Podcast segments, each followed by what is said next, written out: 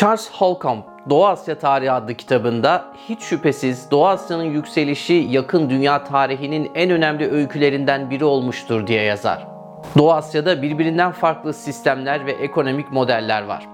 Ancak aynı zamanda yasal ve politik kurumları şekillendiren Konfüçyüs öğretisi ve geleneksel halk inançları gibi ortak temellerde bulunuyor. Charles Holcomb bir bütün olarak dikkati hak ettiğini söylediği Doğu Asya'nın rastgele bir komşu ülkeler grubu değil, gerçekten kültürel ve tarihsel olarak tutarlı bir bölge olduğunu ileri sürer.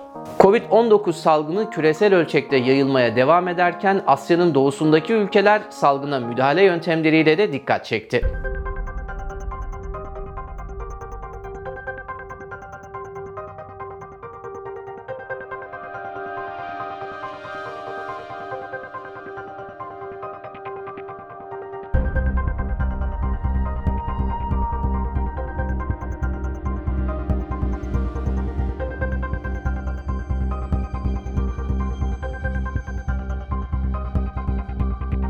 Salgınla mücadelede her ülke kendi sistemi ve kapasitesi dahilinde farklı performans sergiliyor. Sürecin başında otoriter rejimlerle demokrasiler arasında mukayeseler yapıldı.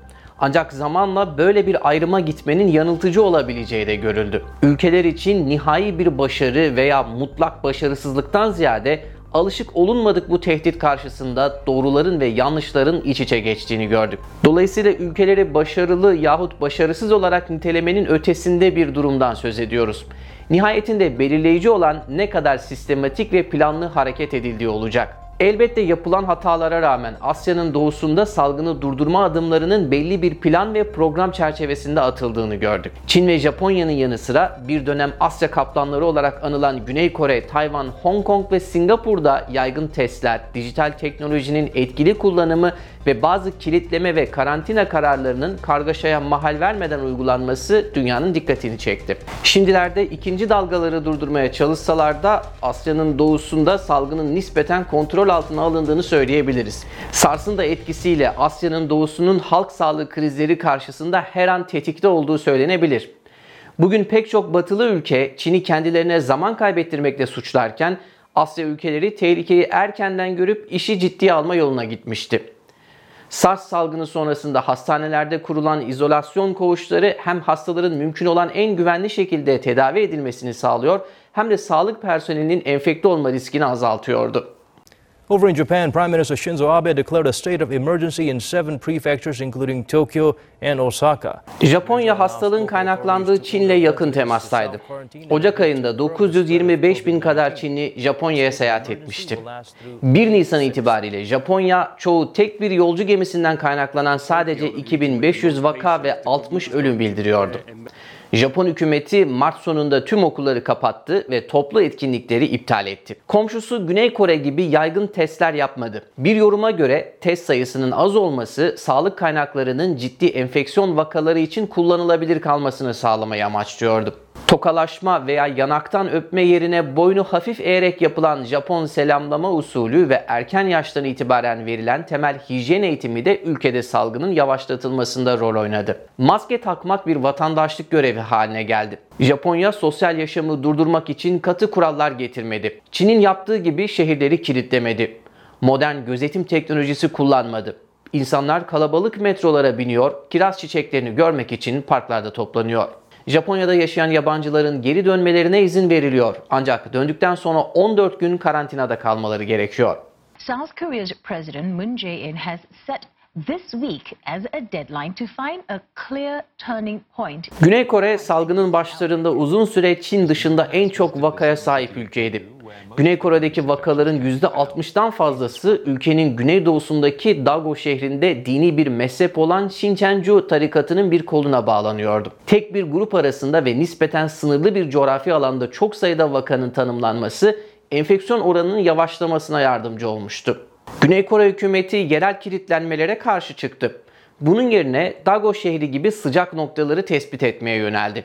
Kapsamlı testler, konum ve irtibat takibinin bir araya gelmesi ülkenin büyük bir artıştan sonra bile virüsü kontrol altına almasına yardımcı oldu. Güney Kore Cumhurbaşkanı Moon artışın kontrol altına alınmasının ardından başarının sırrını şöyle açıklıyordu. Hükümetle birlik olan ve işbirliği yapan vatandaşlar sayesinde bugüne geldik. 我要请大家不要仇视，也不要相互的指责。 23 milyon nüfuslu Tayvan, salgının kontrolünün bilim, teknoloji ve demokratik yönetişim yoluyla sağlanabileceğinin kanıtı olarak gösterildi. Salgının başladığı Çin ana karasına olan yakınlığı ve ana karayla sıkı ticari bağlarına rağmen Tayvan 21 Nisan itibariyle vakaları 425 ile sınırladı ve sadece 6 ölüm bildirdi. Tayvan yönetimi Ocak ayında erken seyahat kısıtlamaları getirerek testlere başladı. Hızlı ve kararlı adımlar atıldı.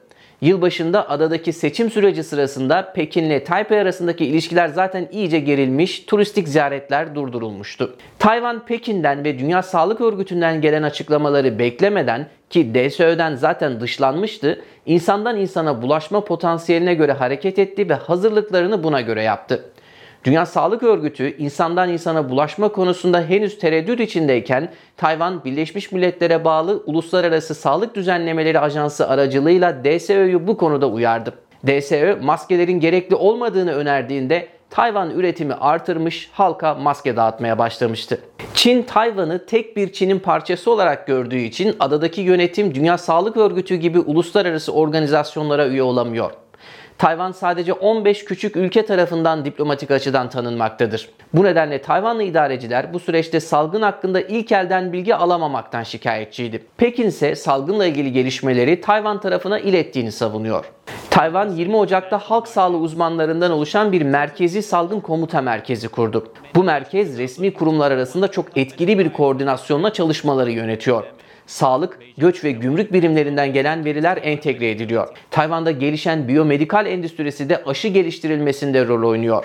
Bugün toplam 80 bin kişi tecrit altında ve günlük sıcaklık ve semptomları izleniyor. Karantinaya alınan bir kişinin telefonunda alınan GPS verileri belirli bir aralığın dışında bir hareketi gösteriyorsa kişinin yerini doğrulamak için bir telefon araması yapılıyor. Tayvan'da artık koku veya tat alma duyusunda bir kayıp olduğunu bildiren hastaların test edilmesi de zorunlu.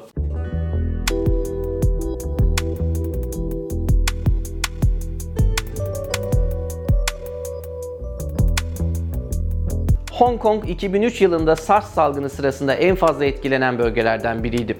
Pandeminin başlarında Çin ana karasından gelen turistler nedeniyle şehrin önemli risk altında olduğu düşünülüyordu. Ancak Şubat başından beri salgının kontrol altında olduğu görüldü. Sınırlara sıkı kontroller getirildi. Anakara Çin'den veya Covid-19 vakaları olan bir ülkeden gelen herkesin 14 gün karantinaya alınması gerekiyordu. Tatil kampları ve yeni inşa edilmiş boş konutlar karantina tesislerine dönüştürüldü. Okullar kapatıldı ve dünyanın nüfus yoğunluğu açısından en kalabalık şehirlerinden biri olan Hong Kong'da insanlar mümkün olduğunca evden çalışmaya teşvik edildi. Lancet Halk Sağlığı dergisindeki bir makalede insanların evde kalmaları gerekmese de davranışlarını değiştirmeyi seçtikleri not ediliyor. Mart ayında yapılan bir ankete katılanların %85'i kalabalık yerlerden kaçındığını ve %99'u evden ayrılırken yüz maskesi taktığını söylüyor. Hong Kong'da dikkat çeken bir diğer hususta aylarca hükümet karşıtı protestolara sahne olan bir şehirde salgın sırasında kitlelerin evde kalıp yönetimle işbirliği yapmayı tercih etmiş olmasıdır.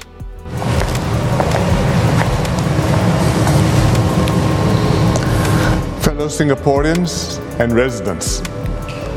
I'm speaking to you again to give you an update on the COVID 19 situation. Singapur yaklaşık 6 milyonluk bir nüfusa ve toplam 700 kilometre karelik bir alana sahip New York'tan daha küçük bir şehir devleti. Her uçuşun uluslararası olduğu bir ülke olan Singapur birçok ülkenin sahip olmadığı avantajlara sahip. Malay Yarımadası'nın güneyinde yer alan ülke hava yoluyla girenler üzerinde sıkı bir kontrol sağlayabiliyor. Aynı zamanda dünya standartlarında bir sağlık sistemi ve bir salgını kontrol etmeye çalışan bir hükümete fayda sağlayabilecek katı polisiye kurallar da uygulayabiliyor. Erken tespit ve hızlı tepki konusunda örnek gösterilen Singapur, sıkı şekilde uygulanan bir ev karantina sistemine ve kapsamlı bir temas izleme programına sahip. Staying at home, complying with the restrictions. We have adjusted to working from home and home based learning. When outside, we wear masks and keep a safe distance from others. Ev karantinasında kalanlar için mali destekler uygulandı. Serbest çalışan işçilere günde 100 dolar verildi ve bakıma ihtiyacı olanlar devlete ait tesislere taşındı. Singapur Nisan ayının ortalarına kadar neredeyse her şeyi doğru yaptı. 23 Ocak'taki ilk koronavirüs vakasını kaydettikten sonra müreffeh şehir devleti enfekte olmuş her hastanın yakın temaslarını titizlikle takip ederken sokaklarında normallik hissini korudu. İşletmeler açık kalmasına rağmen sınırlar bulaşıcılığı taşıyabilecek nüfuslara kapatıldı. Şehir sakinleri için test ve tedavi ücretsizdi. Okulların ve bazı iş yerlerinin kapatılmasına lüzum görülmemişti. Ancak ikinci dalga endişesi ve görece rahatlamaya dönüş girişiminin ters tepmesi böyle bir adım atılmasına neden oldu. Yeni kümelerin ortaya çıkmasını engelleyemeyince şehir Nisan başında kilitlenmeye gitti. Singapore saw its highest single day jump in COVID 19 cases on Saturday. Yeni kümelerin çoğu Singapur'un geniş göçmen işçi nüfusunu oluşturan özellikle Güney Asya'dan gelen işçiler. Buradan kaynaklı keskin vaka artışı nedeniyle Singapur kısmi kilitlenmeyi 4 hafta kadar uzatarak 1 Haziran'a çekti. Son günlerde artan vaka sayısıyla Singapur'un deneyimi dünyaya bir ders daha vermiştir. Çok erken rahatlamak geri tepebilir. One is suppression and others mitigation.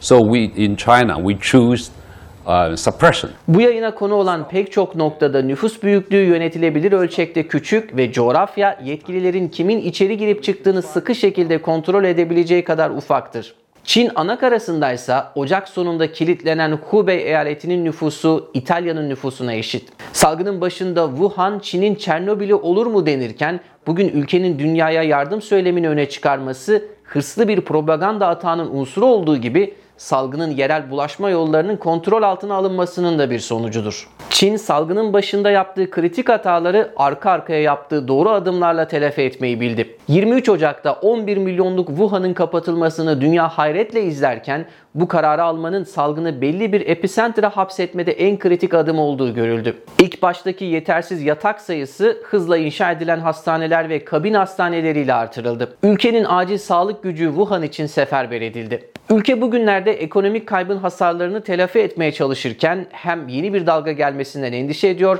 hem de başta Amerika Birleşik Devletleri olmak üzere bazı ülkelerden gelen eleştirileri göğüslemeye çalışıyor.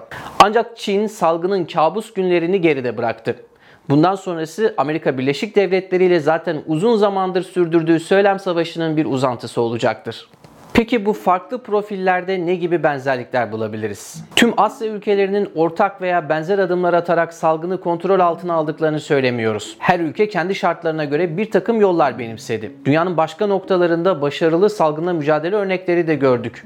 Avrupa'da Almanya bir başarı örneği olarak lanse edildi. Türkiye küreselleşen salgının ilk döneminde uzun süre sıfır vaka noktasında kalmayı başardı. Burada Asya için bir ortaklık belirleyeceksek bu salgının ilk etapta ciddiye alınması ve hızlı adımlar atılması olmuştur. Diğer yandan mesela Asya'da maskenin işe yarayıp yaramadığı tartışma konusu olmamıştır. Maske bir tür sosyal mesafe aracı olarak görülür. Karantinaya direnme gibi münferit görüntüler olmakla birlikte genel anlamda Asya toplumları otoritelerle işbirliğine açık davrandı. Kişisel hijyeni geliştirme ve fiziksel mesafeyi koruma konusunda net bir farkındalık ortaya konulmuştur. Belki de hepsinden önemlisi Asya toplumları kolektif bir bilinçle hareket ederek alınan birçok tedbiri aslında imece usulüyle mahalle düzeyinde almıştır. Uzun yıllar İngiliz sömürgesi altında kalan Hong Kong bile hükümetin karantina izleme tedbirleriyle uyum sağlayarak bu Asyalı damarını bir kez daha ortaya koymuştur.